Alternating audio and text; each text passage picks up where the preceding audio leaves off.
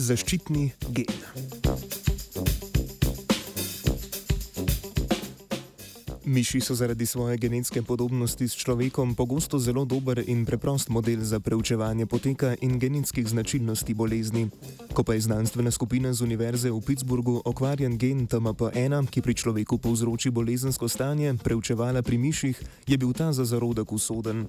V reviji Cell Reports Medicine so objavili raziskavo, v kateri poročajo, da človeku s tem stanjem preživetje omogoči dodatni mutirani gen TLN2, ki po mutaciji dobi zaščitno funkcijo.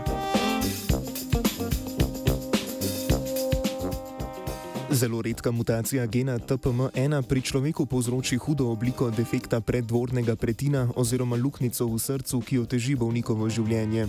Miši zarodek, ki so mu s CRISPR-Cas sistemom odstranili ta gen, pa se je razvijal le do 8. ali 9. dne, ko bi mu moralo začeti biti srce.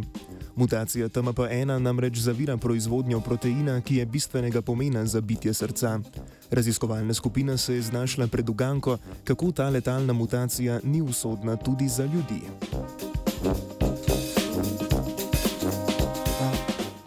Pridobili so vzorce celic osmih sorodnikov, pri katerih je bila prisotna ta mutacija.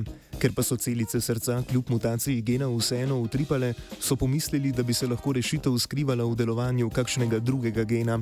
Na vzorcih celic so izvedli dodatne genomske raziskave in s sekvenciranjem teh osmih človeških vzorcev z bolezenskim stanjem opazili, da se skupaj z okvarjenim genom TMP1 so izraža še en mutiran gen v srčnih celicah, ki so odgovorne za utrip srca in bi lahko deloval zaščitno. Gen se imenuje TLN2.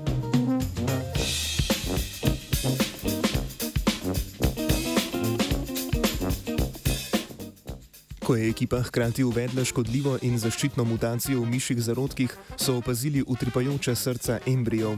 Pri miših se je sicer vseeno pojavila okvara preddvornega pretina, enako kot pri ljudeh s takšnim genom, genomom.